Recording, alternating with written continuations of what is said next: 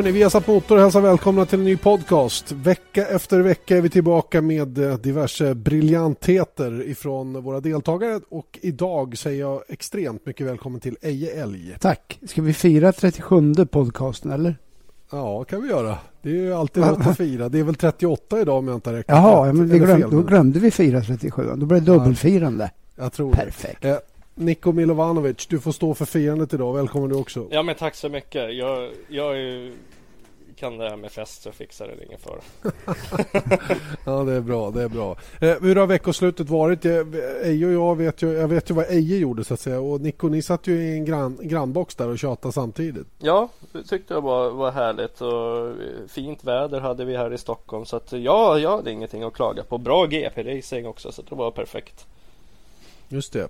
Eh, Eje, vad känner du några dagar efter Belgiens Grand Prix? Um, jo, jag känner väl att uh, det kanske inte var den mest spännande race som vi har varit på men sändningen funkade bra och alla var nöjda och belåtna och uh, vi fick ju en vinnare till slut. Men vet du vad? Låt mig först och främst uh, imponera på er gossa lite grann. Ni pratar om att eh, Brno där är en så fin bana och så vidare. Men det är inte många, som, många tuffingar som har kört på den riktiga gamla banan. Nej, det är nej, inte det. det. Inte. Jag vet, jag det, vet det. Jag vet det är väl ingen av oss som är tillräckligt gammal? Jo, en. Eje, har du varit där? ja, jag var början på 80-talet, alltså innan de byggde den där. Jag har faktiskt kört nya banan också. Okay. Men eh, den gamla var ju helt, eh, helt otrolig. Alltså, världens längsta raka och eh, dessutom spörhägnare. Alltså, det var, det var det är få gånger som jag, som ni förstår, så det är få gånger jag har varit rädd. Men där var jag lite mm. rädd. Alltså. Jäklar mm. vilken bana. Och uh, särskilt efter start och mål där man i praktiken åkte genom ett samhälle. Alltså, uh, satt folk och, och fika på trottoaren. Det var helt, helt grymt. Bra bana, ja, tuff bana måste ha varit fascinerande. En sak som jag har tänkt på efter Belgiens Grand Prix det är ju den här vanliga, eh, så fort att det inte är 500 omkörningar och världens spänning då är Formel 1, ja ah, gud Jesp, nu vill inte jag kolla längre, ja ah, nu vad tråkigt det är och nu är det avgjort och ja. det ena med det tredje. Ja, det... Min, minnet är kort ja, men det är hos många i, fans. Det, det, titta på fotbollen, blir det 0-0 match då är det katastrof, då är det ja, kris fast... för svensk fotboll. Att, Min parallell är dock ändå att hur många fotbollsmatcher är så bra så att man vill se dem en efter en, vecka efter vecka, helg efter helg. Ja, får du väl passa dig lite. ja, men alltså, grejen är, jag tycker det är en relevant ja. jämförelse för att man kan inte begära att varenda race Nej, ska, ska vara en klassiker. Och jag, jag behöver bara gå till mig själv så, så tycker jag, jag, jag vet jag åkte hem i söndags och tyckte att åh, det där var inte så skoj liksom. Men mm. hallå, det är ju um, det kan, inte, det kan inte vara bra varenda gång. Nej, Nej men alltså finns det någon annan sport än motorsporten då? Där man kan kolla repriser och ändå tycka att eh, Alltså även om det kanske har varit ett, ett risigt race där det inte har hänt så mycket så, så går det ett repris av ett lopp på TV så sätter jag på det så har jag det i bakgrunden. Jag vet hur det har gått alltihopa men Alltså med ljudet och atmosfären och allt det där får ju en ändå att vilja mm. lyssna och man, man behöver mm. liksom inte alltid se utan det är höra, lyssna och, och, bara känna skönheten i det hela och eh, allt det här härliga som det är i motorsporten. Hade ni, eh, ni hade inte riktigt samma dävna känsla efter, eh, efter racet i Tjeckien?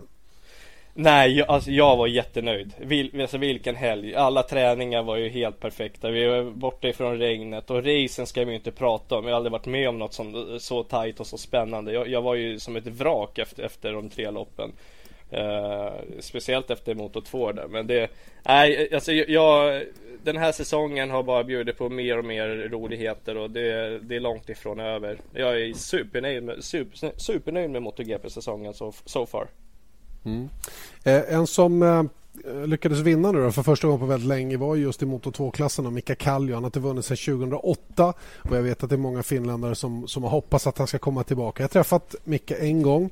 Eh, jag tror att det var på Jerez som inte är helt fel ute. Vi, vi, vi satt och pratade med honom. En, en kille som påminner i sitt kynne väldigt mycket om Kimi Räikkönen. Alltså väldigt lågmäld och säger inte många ord. Och, inte så stor på jorden heller om man ska säga så. Men, eh, men fruktansvärt duktig på, bakom styret. Exakt, exakt. Det är, men det är där han ska vara duktig också. Man behöver inte vara duktig på snack eller vara någon clown eller eh, ja, whatever vid sidan av banan. Han har en uppgift, eh, likaså som de andra förarna ute på banan. Det är att, att ta ekipaget i mål på bästa möjliga placering.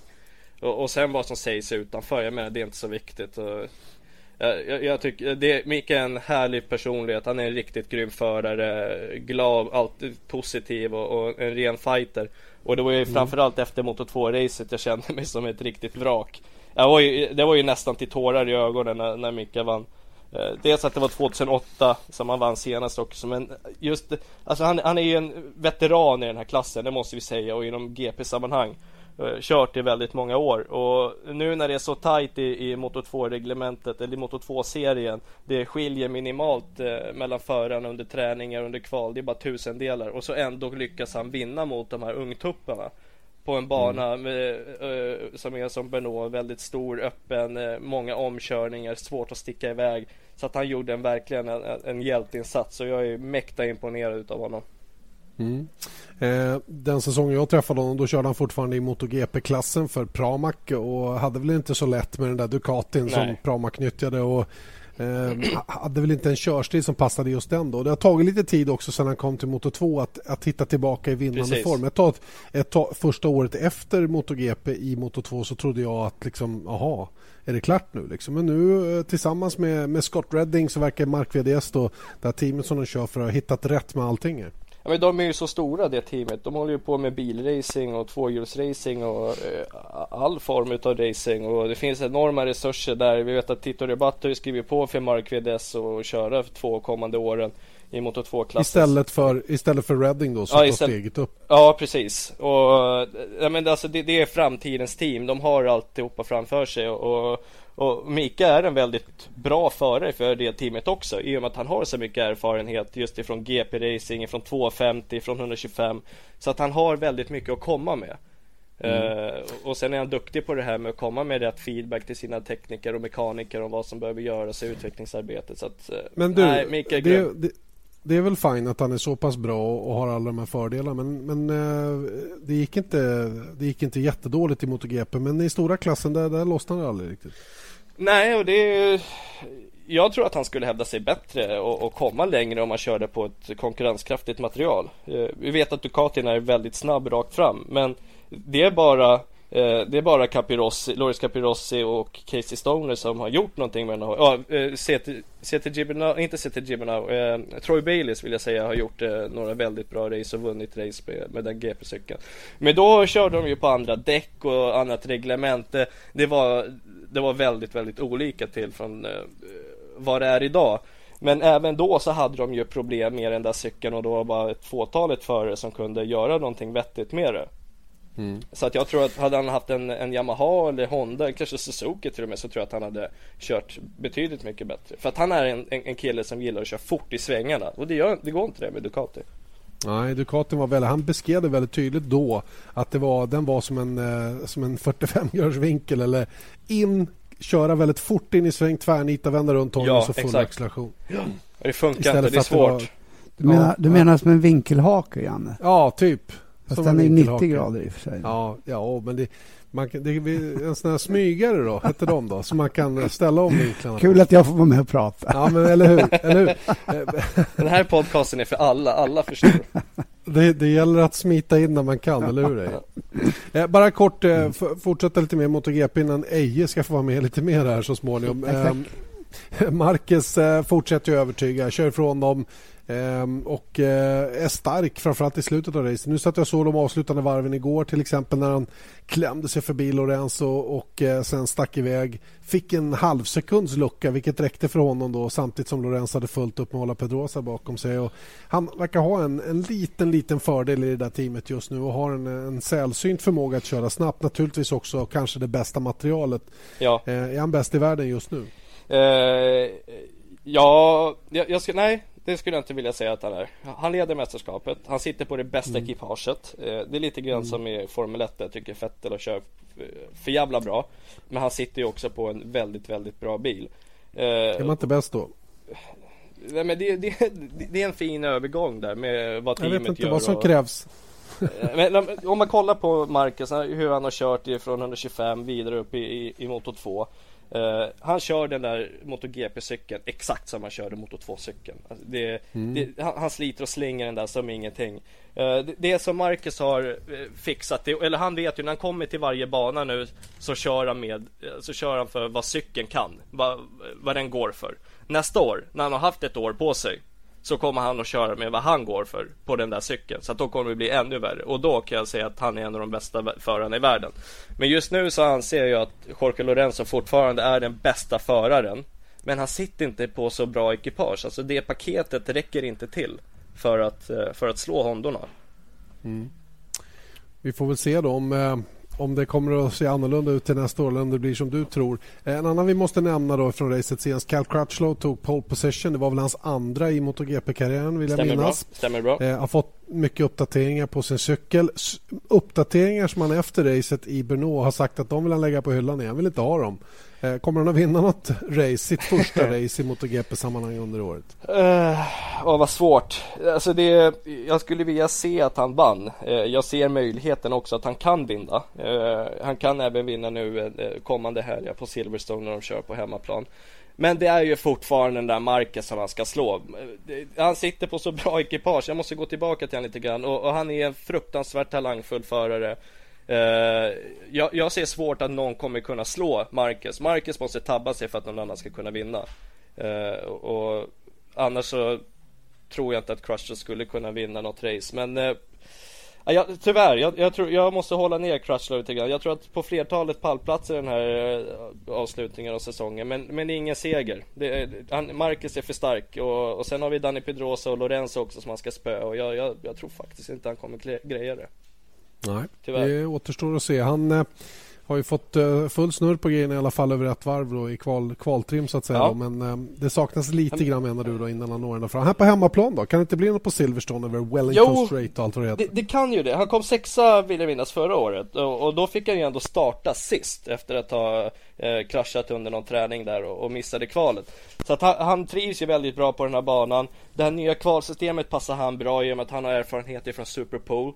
Eh, i World Superbike men kör ett snabbt flygande varv och eh, så att jag en, en bra kvalplacering är ju såklart AO på, på Silverstone men mm. sen så fort lamporna släcks så är racet helt öppet. Alltså det finns 6-7 förare som kan vinna det där racet. Och då har jag Bautista med, jag har Stefan Bradel med, jag har Rossi med.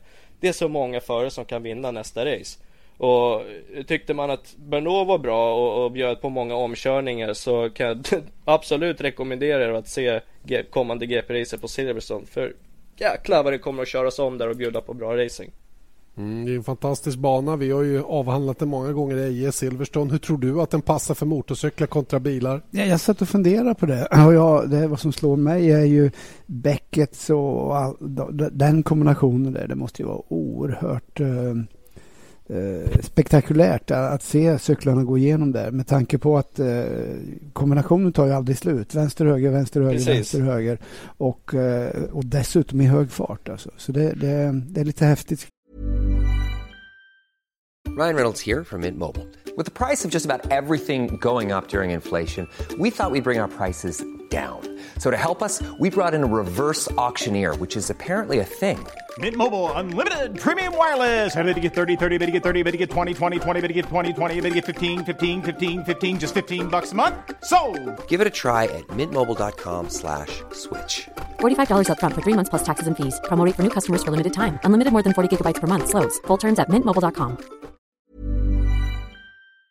Jag gissar. Mm. Och sen har du de här långsamma eh, kurvingångarna så du går väldigt hårt på bromsen så öppnas svängarna upp helt och hållet och det är maximal acceleration. Mm. Så att det, det här, eh, vi har ju tidigare pratat jag och Tobias om eh, Honda-bana, Yamaha-bana och eh, kommande bana, Silverstone, vad är den där? Jag skulle vilja säga att den är, att den är både och. Den är bra för Honda med de här eh, kvicka ingångarna men sen kommer Yamaha, Yamahas fördel med lite öppnare svängar eh, och, och, lite mer den här följsamma höger-vänster kombinationen just med, med Beckett som, vi som Eje pratade om. Så att det, det kommer bli svin, svinbra. Svinbra var ordet, sa Bull. Eh, kort om silly season i MotoGP, händer det någonting? Eh, ja, det har hänt lite grann. Eh, Crutchlow vet vi har skrivit på för Ducati. Kommer köra mm. två år där. Eh, men, och sen Ale Paul Esparger och Leifs lillebrorsa kommer hoppa upp och köra för Tectra Yamaha och ersätta Eh, Crutchlow. Precis. Men sen kanske det mest intressanta då, vart Nicky Hayden ska ta vägen ifrån Ducati och där pågår det just nu väldigt mycket snack om att han kanske hoppar över och kör Honda hos, eh, hos LCR tillsammans med Stefan Bradel. Eh, dock med en, med en sån här prototypcykel som Honda håller på att utveckla till, till försäljning. Och, och då, ja. då, kommer vi in på ett intressant ämne, det här med CRT. Det kommer nämligen att försvinna då vad jag förstår. Ja, det ser så ut. Eh, och jag tycker att det är helt rätt. För att det här, alltså MotoGP, det är prototypracing. Det ska vara direkt ifrån fabrik, ut på banan och sen köra vad ni kan. Eh, jag, jag ser inte att produktionsmotorer hör hemma i den här typen av racing. Så att, eh, jag tycker det är jättebra att eh, Honda tog det här initiativet med att, att tillverka de här cyklarna. Sen vet jag inte hur bra de kommer att bli men eh, de, de kommer nog ändå kunna vara, konkurrera bättre med prototyperna än vad CRT-hojarna gör. Kort bara, vad, vad är CRT? Alltså CRT, bara för att förklara lätt vad det är för cyklar. Det är, det är fria chassin som det är i MotoGP-klassen. Där är det helt öppet. Samma sak med elektroniken. Det enda som skiljer däremellan är motorn.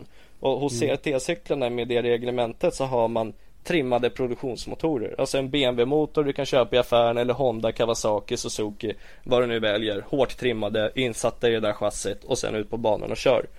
Mm. Uh, alltså det kan man räkna ut ganska fort att det, det, går inte att konkurrera med prototypcyklar direkt ifrån fabriken. Som är byggda för den här Ja.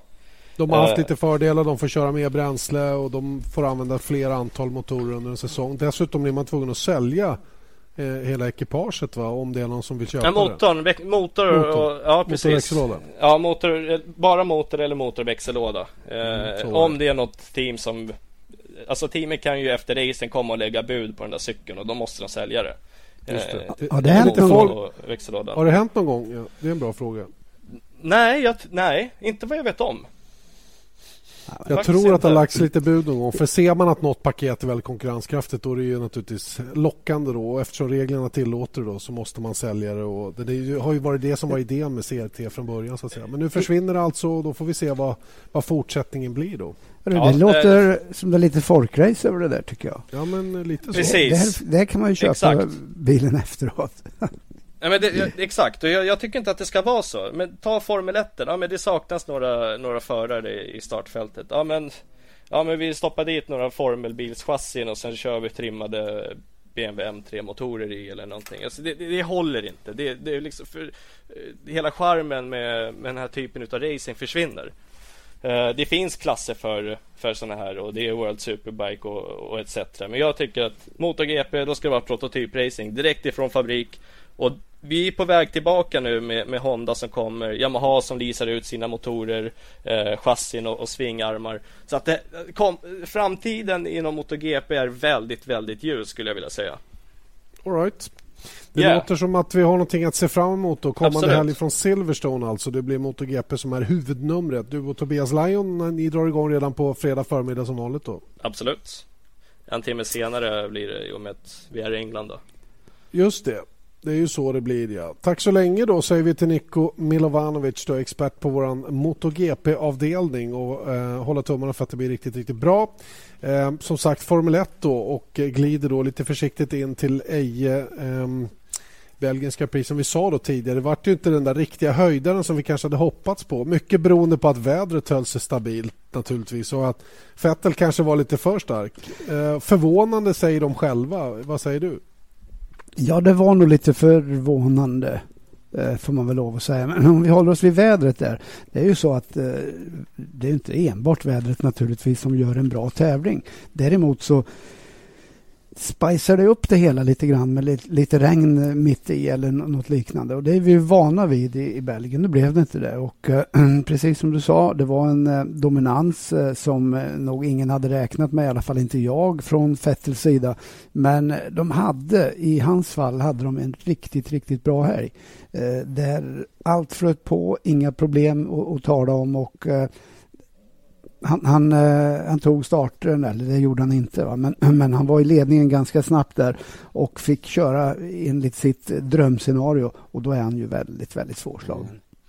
Eh, många brukar undra då om inte alla skulle tycka att det var ett drömscenario att sticka iväg i, i täten och, och kontrollera racet från spets. Då. lite kan man väl säga att Hamilton fick den möjligheten på, på Hungaroring. Men faktum är att det är en viss skillnad ändå med Sebastian Vettel och hur Red Bull har nyttjat sitt paket eller vad fördelarna med det paketet har varit. Eh, och Det är därför det är så viktigt för dem att starta långt fram och få sticka iväg i början, eller hur? Ja, men visst är det det. Nu hade man väl kanske frångått det lite grann här. Men, men eh, det är ju egentligen bara för att möta, möta den konkurrens som uppstått. Det är inte lika lätt och han kommer inte ha den här typen av, av, av race eh, varje gång. Men går vi tillbaka två år i tiden, ja då var ju det här standard i, i stort sett, eller hur? Mm. Mm. Och Det fick till följd att många sa att han inte kunde köra om och sådana saker. Och där är det ju det är också inte riktigt rättvist. Va? För att eh, problem, han kan nog köra om, va? men man kan ju bara köra om om man har grejer att köra om med. Ja, och, och, och, Vi kan ju ta ett annat exempel då som är precis raka motsatsen, nämligen Fernando Alonso, Ferrarin. Han fick jättemycket beröm. Han tar sig från nionde upp till en andra plats här senast. Och han har ju gjort det till en, till en konst, verkligen. Att, eh, att vända om lite sämre startpositioner till ett väldigt bra slutresultat. Eh, Kimi Räikkönen en annan som, som verkligen är på hugget när det gäller de bitarna. Men det är ju för att de har de har förutsättningar som, som, som bygger ja, de, på det. De är, ju, de är ju tvingade också. Ja. Eller hur? Jag ja. menar, de, de, har inte ett material som innebär att de har den fördelen som eh, Sebastian Vettel har. Eh, när jag säger fördel så menar jag inte på något sätt eh, att eh, vara var negativ mot han utan det är ju, det är som vanligt. Alltså, oavsett vad du har för bil. Det, det ska ju vara en förare också som kan utnyttja den där. För att om, om han inte utnyttjar den till till eh, max eller optimalt så att säga, ja då är han inte eh, där framme utan då är han två och trea istället. Och är han två och trea, ja då hamnar han, hamnar han i, i störd luft bakom andra, sliter däck mer och så vidare och då blir det helt plötsligt svårare. Så att han, han är ju han är ju oerhört stark och det där förvarnar vi, eller förvarnar, det är ju någonting som vi har sett under senaste tiden här, att man har hittat rätt. Det har varit en period där Red Bull var lite tvekande, försöka, försökte hitta lite nya vägar att jobba och så vidare. Men, eh, men eh, sista månaderna här så har de ju varit eh, oerhört starka och kommer att vara svårslagna. Du, jag läste eh, Autosports eh, tekniska blogg, eh, den här Craig Scarborough. Han brukar gå igenom då vad, vad, vad, vad, bilarna har gjort för förändring eller vad som har hänt med bilarna genom. Och han, pe han pekar på en väldigt viktig detalj tror jag som är kanske den allra största styrkan hos hos Red Bull och eh, hos Adrian Newis skapelse, nämligen att de jobbar enbart med små, små det detaljförbättringar hela tiden. Inga stora förändringar, inga, inga konceptavgörande saker utan bara små, små förfiningar av det de redan har. Och är det inte det som är hela grejen på något sätt med den här jäkla Red Bull-bilen som har varit bra så många år? Jo, naturligtvis. Men man, jag tycker inte man behöver vara en hjärnkirurg för att räkna ut det heller. Utan det är väl ganska så självklart att en bil som är eh, redan är den bästa bilen, den kräver ju inte det. Men jag menar, ta McLaren då till exempel. Skulle de börja, börja pilla med, med små tiondels millimeter hit och dit, eh, det finns ju inte en chans. Nej. Utan där, där pratar man ju, och det är ju samma sak som, som Mercedes eh, som hade ett uppenbart problem som man, man eh, är tvungen att leta rätt på orsaken till. Då, då gör man ju större saker. Så att eh, självklart så har han rätt i det. Eh, men eh, det tycker jag väl inte... Eller jag är inte förvånad över. Nej, nej, nej. Jag, jag, det är inte för att jag liksom på det viset, men jag tycker det är så talande för situationen hur, hur lite uppdateringar de, de behöver göra av, av större rang, så att säga. Va? Så att, Ja, som, det är ja, men... tack vare att de har, har, en bra bil och haft en bra bil så länge. Mm. Och eh, Det de gör är ju egentligen bara att de förfinar den produkten som de har. Och eh, Det där har vi pratat mycket om och i, till och med så mycket Janne så att i, ibland har jag sagt att eh, det har gått till överdrift eh, lite grann. Eller vissa har för stor tillit för det här med uppdateringar och att förändra saker och ting. Och kanske eh, kanske inte når ända vägen fram men kanske ändå kommer längre med bara att jobba med de små sakerna. Mm.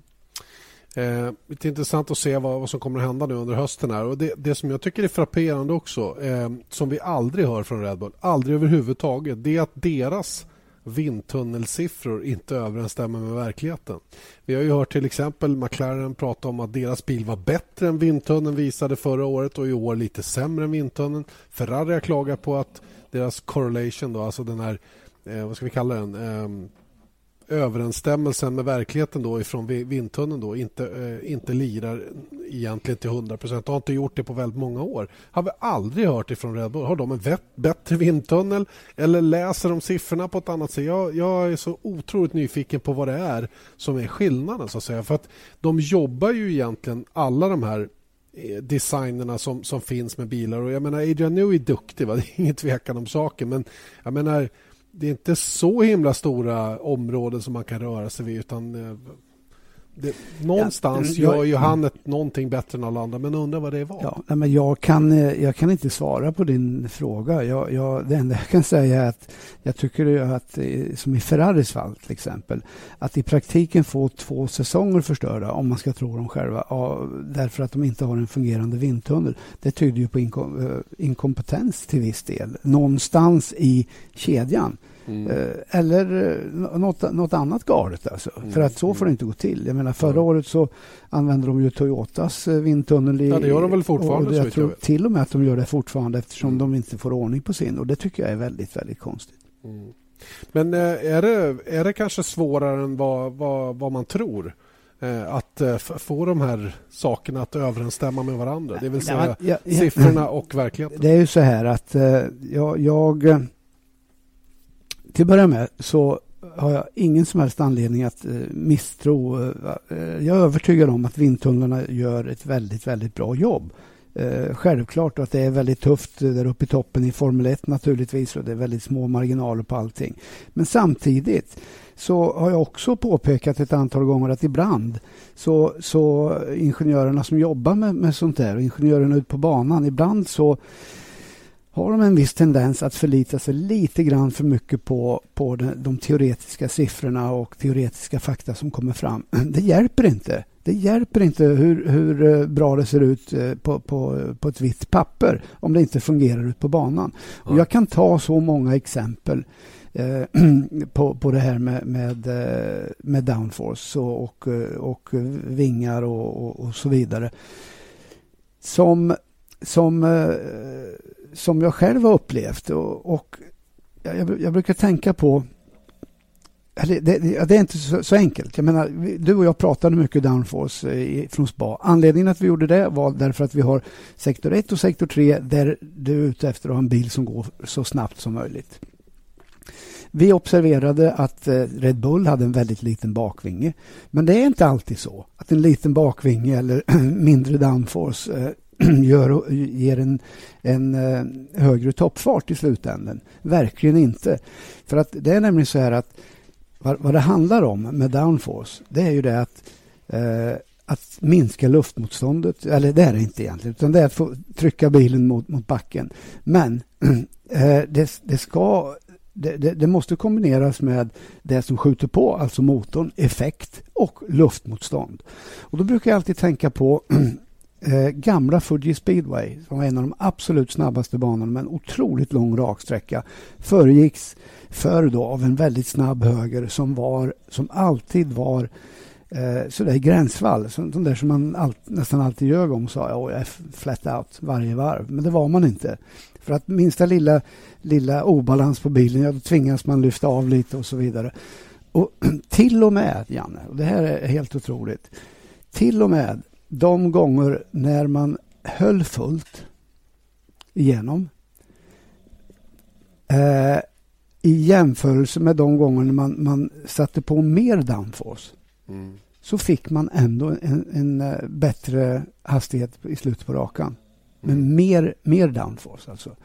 Vad är anledningen? Jo, anledningen är det att du tar dig igenom den svängen på ett effektivare sätt. Du kan linea upp bilen på ett sätt som gör att du, du har ett effektivare spår. Du kommer ut ur, ur kurvan med några hastighet, eh, kilometer i timmen eh, högre hastighet och det bär du med dig hela vägen. För det är nämligen accelerationen upp till till toppfart som är det intressanta. Det är inte vad som händer de sista 20 metrarna på, på rakan utan det är accelerationen upp till när det säger stopp. När alltså mm. luftmotståndet är så stort så att den kraften som du har i motorn inte orkar eh, överbygga luftmotståndet. Då tar det stopp. Mm. Och det anpassar man, man sista utväxlingen för. Och är det då så att du, du tar av vinge, ja då, då går motorn på varvstopp för att ha mindre luftmotstånd. Så, så där är det. Och här, här i, eh, i spa så hade vi två perfekta exempel. Vi hade till exempel Sebastian Vettel, eller Red Bull, framförallt Sebastian Vettel, där toppfarten alltså mättes i radion efter Rouge. Han var överlägset snabbast. Överlägset snabbast. Vilket betyder att det, det, är mycket lättare att nå upp till den där toppfarten om du startar från en högre hastighet än om du ska mm. accelerera upp. Och Det mm. betyder att han tog med sig. Vad hände, vad hände med Mercedes då? Jo, de kommer till spa med, med ett paket, ett low, low downforce package. Och de är jättelångsamma på rakan. Eller hur? Mm. De blev omblåsta som, som ingenting. Och vi de, hörde ju Alonso de, efteråt som sa... Men du, för att ja. förtydliga vad du säger här nu då, så att alla hänger med. Eh, för det är ju det, det, är det här som är det viktiga i det du försöker förklara. Det är nämligen i radion. Det är där det börjar.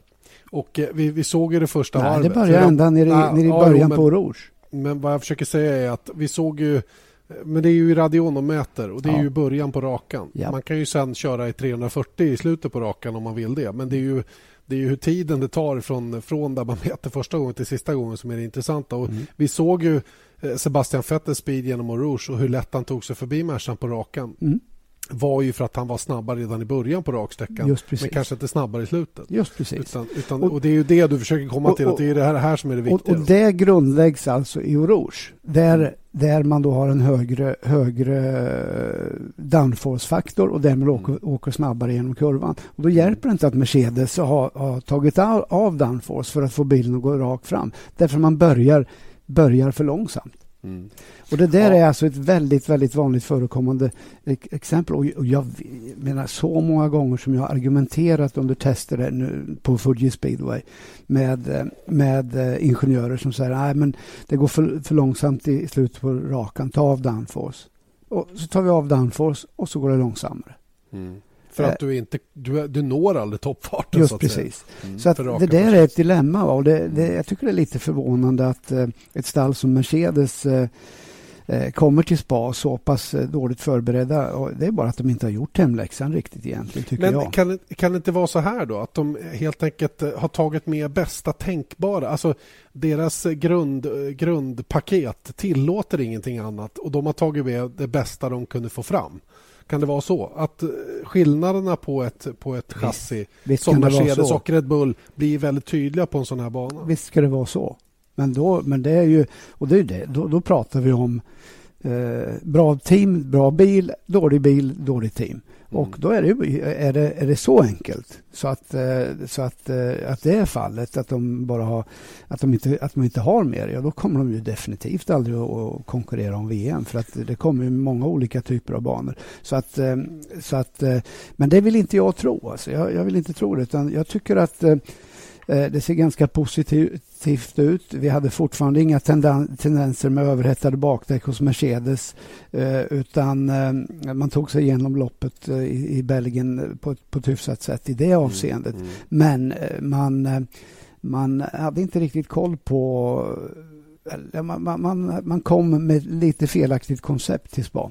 Ja. Men det, jag hoppas att det ordnar till sig. Ja, alltså med tanke på hur det såg ut i, i Ungern till exempel där det var väldigt bra fart på bilen och vilken mm. annorlunda karaktär det är på banan. Det är dit jag vill komma lite grann. Att att Spa och kanske också Monza faktiskt. De här två banorna är ju några riktiga höghastighetsbanor. Monza med snitthastighet på 250-260 km i timmen kanske inte alls passar det koncept som Mercedes har i år eller som de har valt att jobba efter nu då när de har fått ordning på däckslitaget någorlunda. Så att... Nej, det, det, kan tänkas Janne, men eh, kom, glöm inte bort också att, eh, att vi har en eh, situation, eller hade en situation förra året där alla de andra fruktade Mercedes på rakorna, Eller hur?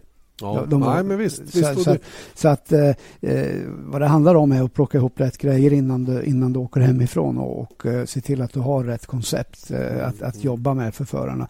Mm. Och eh, jag tror att man jag tror nog att man var lite, jag tyckte man kunde mellan raderna i intervjuer som Ross Brown gjorde och som vi gjorde med Ross Brown kunde man nästan utläsa det faktum att han, han hade svansen mellan, mellan benen och tyckte mm. att man hade nog inte gjort det jättebra jobb där.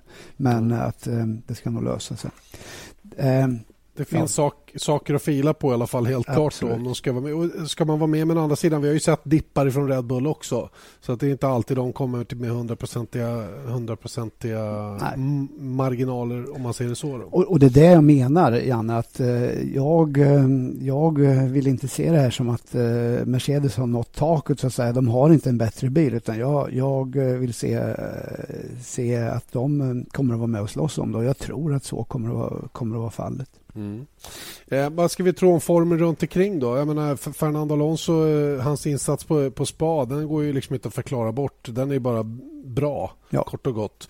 Han, han kör mycket riktigt upp sig från nionde till en andra plats och oerhört på ett aggressiv. övertygande sätt. Ja, oerhört aggressiv i inledningen och skaffar sig den position på banan där han kan förvalta den här andra platsen för det var ju praktiken det han gjorde. Tåget hade gått för att vinna, det var ju inget snack om. Men, men, och det var ju naturligtvis eh, delvis kraft av startpositionen. Men jag undrar, jag jag skrev i min blogg att jag trodde att han kanske var den enda som hade kunnat utmana Vettel men jag undrar om det hade räckt i alla fall. Ja, jag tvivlar på det. Alltså, men jag tycker ändå att det var positivt att Ferrari tycks ha tagit sig i kragen lite grann och lyft sig. Och, eh, Alonso levererade ju och, mm. och dessutom. Va? Så att eh, jag tycker det var positivt. Verkligen. Och så har vi Lotus då som inte alls var med. Mm. En, en sketen tear-off. Ja, var Janne, som... det, det må vara hänt alltså. och det var det säkert. Men eh, jag tror till och med att jag, jag, tror till och med att jag sa att eh, det kan vara, helt enkelt vara så att han hade fått in någonting i luftintaget i bromsarna. Eller kylning, ja.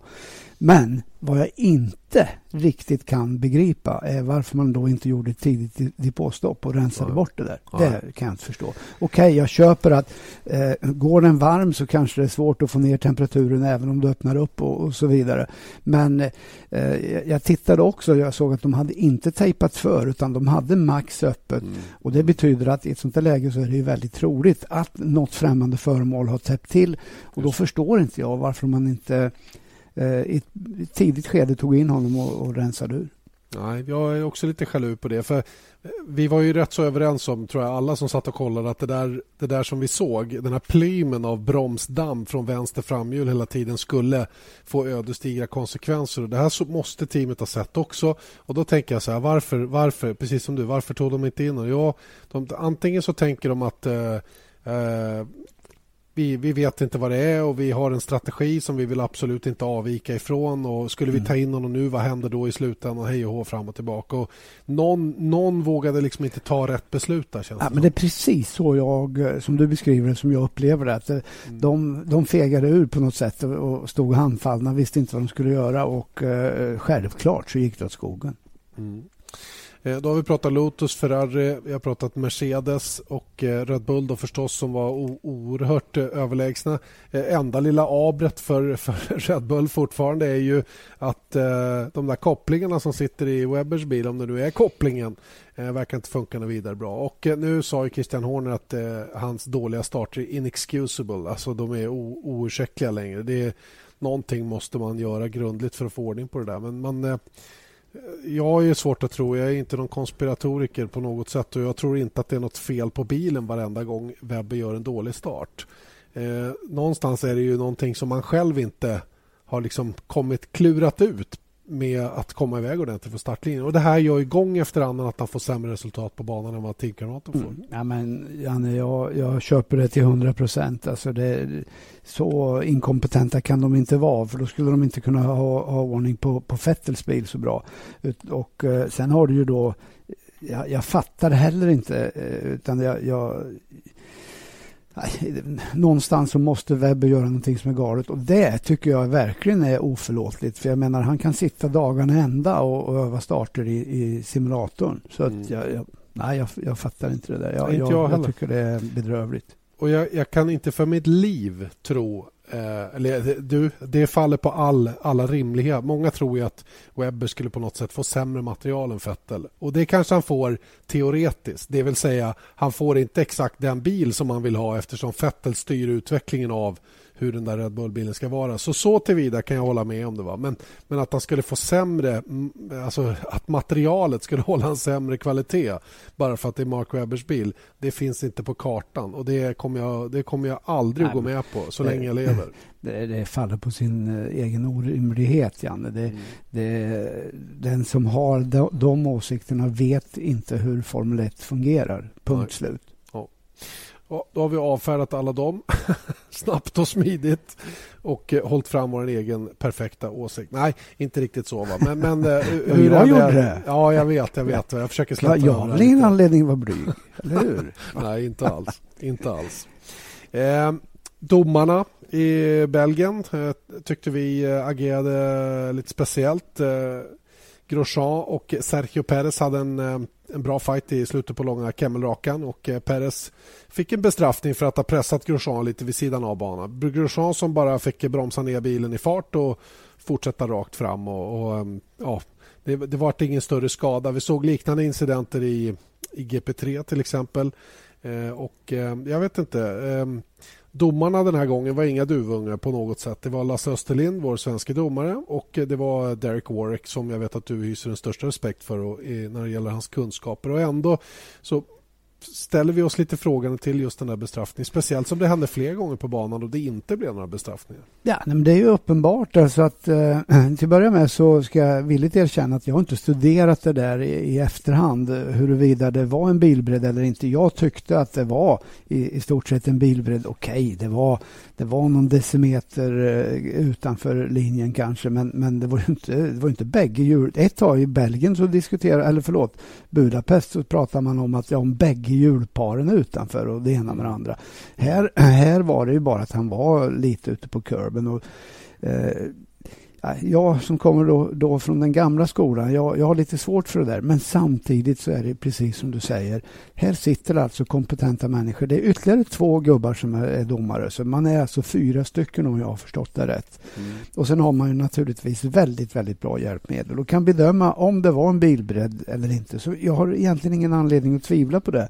Inte jag heller. Utan, men, men, men, ja, men, men, och att dessutom att de följer de instruktionerna som de har fått.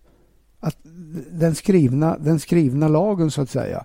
Mm. Sen, så det är egentligen inte domarna i, i det här fallet som jag eh, opponerar mig mot utan det är snarare... Eller jag, jag frågar mig, var ska det här ta vägen då? Mm. Om, om, om det är de här reglerna som ska gälla. Risken ja. finns ju att, att vi måste hitta på något, något uh, ytterligare. Nu räcker det inte med KURS och DRS längre om, om det här ska vara spännande. För att, uh, och, och var ska omkörningarna ske? Mm. Ja, visst, innanför, mellan, in, innanför linjerna. Men jag menar, ja, jag tycker det är lite, jag tycker man har gått lite väl långt och jag tror att på något, något sätt så kommer man, man att uh, få backa tillbaks lite grann. Självklart så tänker man säkerhetsmässigt. Det, det Formel 1 inte orkar med nu är, eh, är eh, katastrofer där förare börjar, börjar skadas eller till och med omkomma. Det, det, det tål inte Formel 1 idag när det är ett känsligt läge. Mm. Eh, jag, jag, jag är med på din linje också. Det är klart att domarna som finns ska följa de regler som de har till sitt förfogande. Men, men vad jag efterlyste också på min blogg för några veckor sedan var ju... Äh, äh, jag undrar om förståelsen för vad som händer på banan finns riktigt. Även om man heter Derek Warwick, ärligt talat. har man, vet man hur situationen upplevs så förstår man vad det är som inträffar och förstår man vad alternativet är. Och mm. Jag kanske lutar mig ja, mer då mot det som hände i Hungaroringen, det som hände nu, sen, nu senast ja. tycker jag inte det var någonting. Men, man kan inte man, så kan man inte heller prata eller eh, säga Janne, för då, då kan man ju säga ja men vad, vad är anledningen till att jag vet bättre då? Ja, precis. Eh, jag, jag, menar, eh, jag vill eh, aldrig påstå att jag, jag kan det bättre än Derek Warwick. Vi har tävlat jättemycket ihop med, med många saker. Eh, han har visserligen en, en massa Grand Prix, F1 Grand Prix under bältet som inte jag har. Men, men jag hyser hö, högsta respekt för honom och är medveten om att han vet ju definitivt hur det är. Sen om inte han eh, rent formellt med de regler som han naturligtvis accepterar att de finns i och med att han tar rollen som domare så måste han ju följa dem. Och, eh, ja, det, är, det är en jättesvår eh, situation. Så att, eh, är det det skrivna pappret som är tokigt menar du? Ja, jag vill nog påstå det. Alltså. Mm, mm.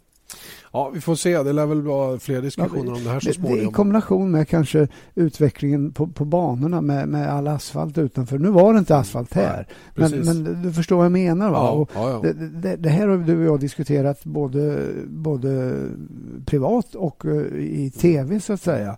Uh, det är ju så att när man av säkerhetstänk då bygger banorna som man gör nu ja då måste man hitta något annat sätt att, att uh, markera var är gränsen för, för det tillåtna. Och mm. Just nu så är det en vit linje. Mm. Och uh, då blir det svårt att göra de här bedömningarna på rätt sätt. Och det får sätta punkt för just den diskussionen i alla fall. Um, det var intressant att se Marcus Eriksson också när vi nu eh, fortsätter surret här om det som hände i Belgien. GP2 eh, körde ju vidare då Spa-Francorchamps. Marcus Eriksson som eh, vinnare av feature-racet förra året kom ju med stort självförtroende. Eh, lyckades skapligt i kvalet får man väl ändå säga med en, en, fjärde tid och det var, inte någon, det var inte någon lätt resa för Marcus att kvala in fyra heller. Det var lite setup eh, det var lite setup-gurgel tror jag i Dams den här helgen som var. Ja, det var det faktiskt. Det, det var en hel del eh, och det, var, det är lite eh, ovanligt när det gäller Dams eh, för att de brukar, de brukar rulla ut en, en konkurrenskraftig bil ur, ur trailern. Nu gjorde man inte det. Man eh, hade miss, missräknat eh, varvtiderna en hel del och eh, det betyder att man kom dit med, med fel bassetup så att säga. Så det blev mycket arbete för att återställa det och eh, sen eh, väldigt lite tid naturligtvis i kvalet för att eh, att eh, komma in och, och, använda sig av de, de, nya referenserna så att säga.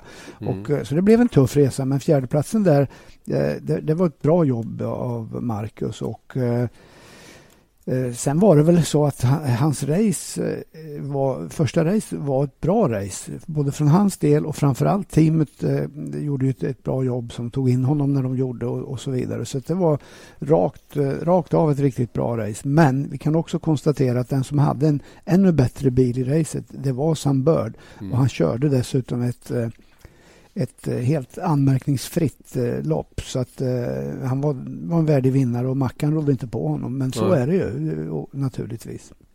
Jag pratade lite med Marcus om, eh, om det faktum att han såg väldigt blek ut i inledningen på racet och väldigt blek ut dessutom direkt efter depåstoppet. Det som normalt sett är hans styrka eller har varit väldigt, väldigt bra och det gjorde han riktigt bra den här gången också faktiskt just de här varven efter depåstoppet. Men inledningen var svag och det, det berodde på att eh, bilen var inställd på ett sätt som att den inte hade balans i inledningen och först när bilen balanserade ut sig, det vill säga att när greppet blev någorlunda likt både bak och fram och han kunde köra så som han vill, ja då kom farten helt plötsligt. Och, och eh, Det var ju därför som eh, han ganska, som till synes blev lätt omkörd av de båda Carlin-förarna då som mm. sen stökade till det för varandra då där mm. Filipe Nasser körde på eh, Julian Palmer där. Men Janne, eh, det är en annan sak också. Vi ska inte bara stryka honom medhårs. Eh, Verkligen inte. För att jag tror att det satt lite i, i, i skallen på honom också. Kommer du ihåg hans hans eh, lite halvdesperata radiokommunikation innan starten mm. på formationsvarvet. Oh ja. Där han, han sa så här eh, Still wet in, in first corner it will be chaos. Och så väntade mm. han nästan och sa han chaos. Mm. så att han, det var nästan som att oj, där. Och, och, jag tror att, eh, att få de tankarna redan i det skedet gör att eh, han var lite grann för överförsiktig. Vilket i och för sig, jag menar, mm. var drar du gränsen? Eh, han höll sig på banan, han åkte inte av. Eh, Karlinförarna å andra sidan, de körde ihop där senare. Just det. Att, det var, men, men eh, vi får ju ärligt säga också att han var, det, det såg lite segt ut inledningen på racet. Var, och när, mm när saker och ting började komma till rätta där, då lirade det. Ja. Sen berättade han en annan intressant sak i det andra racet. Han, till att börja med försökte, vi såg att starten var till total katastrof. Mm. Och jag förstod på honom nu efteråt att han försökte sig på en... Han försökte vara lite übersmart. Han försökte göra en, en non-wheel spin start som han sa till mig. Mm. Och istället så boggade motorn inte bara en gång utan två gånger. Han kom nästan inte av linjen överhuvudtaget. Mm. Eh, det var den ena delen. Och Sen eh, var det en annan gång. Vi minns kanske någon gång i, i sprintracet att han tappade fyra placeringar gans, ganska nära slutet ändå. Och, och Det berodde helt enkelt på att han eh, uppe i Rouge hade höll på att göra Nigel Melker. Melker körde ju av där riktigt ordentligt förra året och, och kraschade. Eh, och Eriksson var inte långt ifrån att göra exakt samma sak. Och när han kom tillbaka efter racet så hade han bett ingenjörerna att titta på det där varvet på en gång. Eh, vad det var, eh, hur det såg ut på datorn. Och de kan ju se rattutslag och sådana mm. saker. Och det var alltså fullt vad kan det ha gått, 270 km i timmen och han hade fulla rattutslag åt båda hållen när han kom upp på krönet. båda hållen. Ja, så är det. Vet du. Då är det ju, eh, så han sa det, då, då, för att citera honom själv, då sket jag på mig. Så. Ja. Han, han skryter alltid om att ingen är bättre än honom i snabba svängar. Och, Nej. Nej, men, det, men det är farligt att, eh, farligt att uh, inte ha respekten naturligtvis. Han, ja. han är ju, just Rouge där och Radion, där är han grymt stark. Det är bara att konstatera. En ja. sak bara som jag vill lägga till, Janne. Innan vi, eller när, vi, när vi pratar om hans första race. Och rent generellt så är det ju så här att om du får en sån öppning som Mackan fick där Eh, Eh, och folk eh, åker om det lite både vänster och höger och, och det ena med och du har en viss osäkerhet så är det väldigt, väldigt lätt att man, man kommer ur rytmen. Vet du man, man kommer ur rytmen och det, det, bara smäller till överallt. Vänster, vänster, höger, bakom, framför och så vidare. Och Då tar det alltid några varv innan man liksom kommer in i det och det där självförtroende eh, infinner sig igen. Och man, man sitter där och halvsvär för sig själv och tycker bara synd om, om sig egentligen. Va? Så att eh, det är ganska naturligt. Jag tycker Mackans andra plats ändå var, var eh, gjorde att han fick eh, klart godkänt i helgen. Ja, 18 poäng, femte bästa poängplockare Eh, och eh, fortsätter att vara med där framme. 53 poäng nu bakom täten i mästerskapet. Stefano Coletti som verkligen har gått in i en djup formsvacka. Han har 15 poäng på sju race tror jag det är mm, på slutet. Jag vet inte riktigt det, vad han det... håller på med. Men vet, ta, ta fredags, första fredagsträningen. Han, han han blev unik där. Därför att jag aldrig har upplevt att någon har kört två set hårda däck. Nej. Hans förklaring till det var att han, han, han är osäker på den där banan av någon anledning. Och han ja. ville stärka sitt eget självförtroende. Därför bultade han på ett set nya däck för att känna eh, hur bilen kändes med, med bra fästen när han hade kört några varv. Men eh, det fick han ju sota för. Resultatet var 20 startposition och enbart mjuka däck att mm. köra på i sprintracet. Ja. Inget vidare. Eh, smart gjort av Dennis Stefano Coletti. Men han leder fortfarande mästerskapet även om Nazer plockade in lite grann. Det blir en spännande fortsättning där. De åker på Monza nu även de om 14 dagar. Eh, tycker vi kan lägga Belgienhelgen eh, till handlingarna. Vi sticker till Italien nu eh, nästa vecka och eh, det ska bli spännande att komma till Monza. Eh, inte världens roligaste bana på ett sätt. Det är ju en fantastisk atmosfär i Italien men den är väldigt platt och den är väldigt snabb och den blir, det kan gärna bli lite utdragna race där. Ja, visst kan det det. Och jag kan bara hålla med. Det är en, det är en konstig bana, men eh, jag tycker ändå Monza ska, ska vara med på kalendern. Eh, ska man vinna VM så ska man eh, behärska alla typer av banor. Monaco, Monza, Silverstone, Spa, you name it.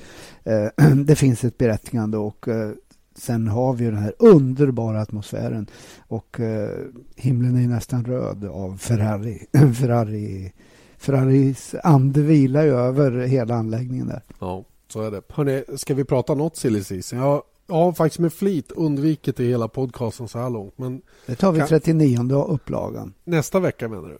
Ja, Då kanske vi vet lite mer också. För i, i, i, praktiken kan vi säga att det är status quo. Det har alltså inte hänt någonting och, och så vitt du vet så är ingenting påskrivet. Då. Nej, just det. Och då, då, är det då, bara... och då har jag ändå haft kontakt med en av huvudaktörerna där, alltså ja. Kimmis, uh, Kimmis uh, manager. manager igår. Mm, mm.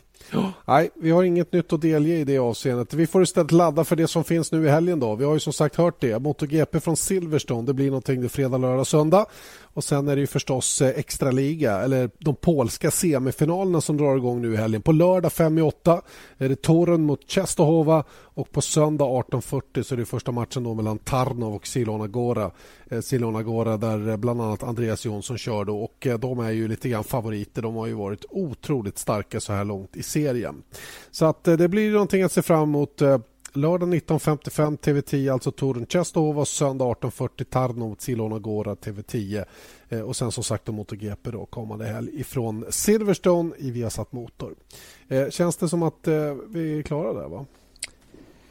Ja, du har ju låtit mig prata en hel del för ja. omväxlings skull så att jag känner mig ganska nöjd. du ska ut och vrida loss min cykel tänkte jag. Ja, jag ska klippa gräs. Ja, gör det. Du, det vad gräset växer alltså. Ja, fruktansvärt. Vad är det, det var för fel? Äng. Nej, det är vädret. Fel på vädret. Aha, okay. Det är brittsommar, eller vad kallar de det? Ja, jag vet inte. Varmt är det i alla fall. Ja, det är det verkligen. Hör du, eh, lycka till med det då. Vi hörs om en vecka igen. Tack, Tack så länge, säger ni, Janne Blomqvist.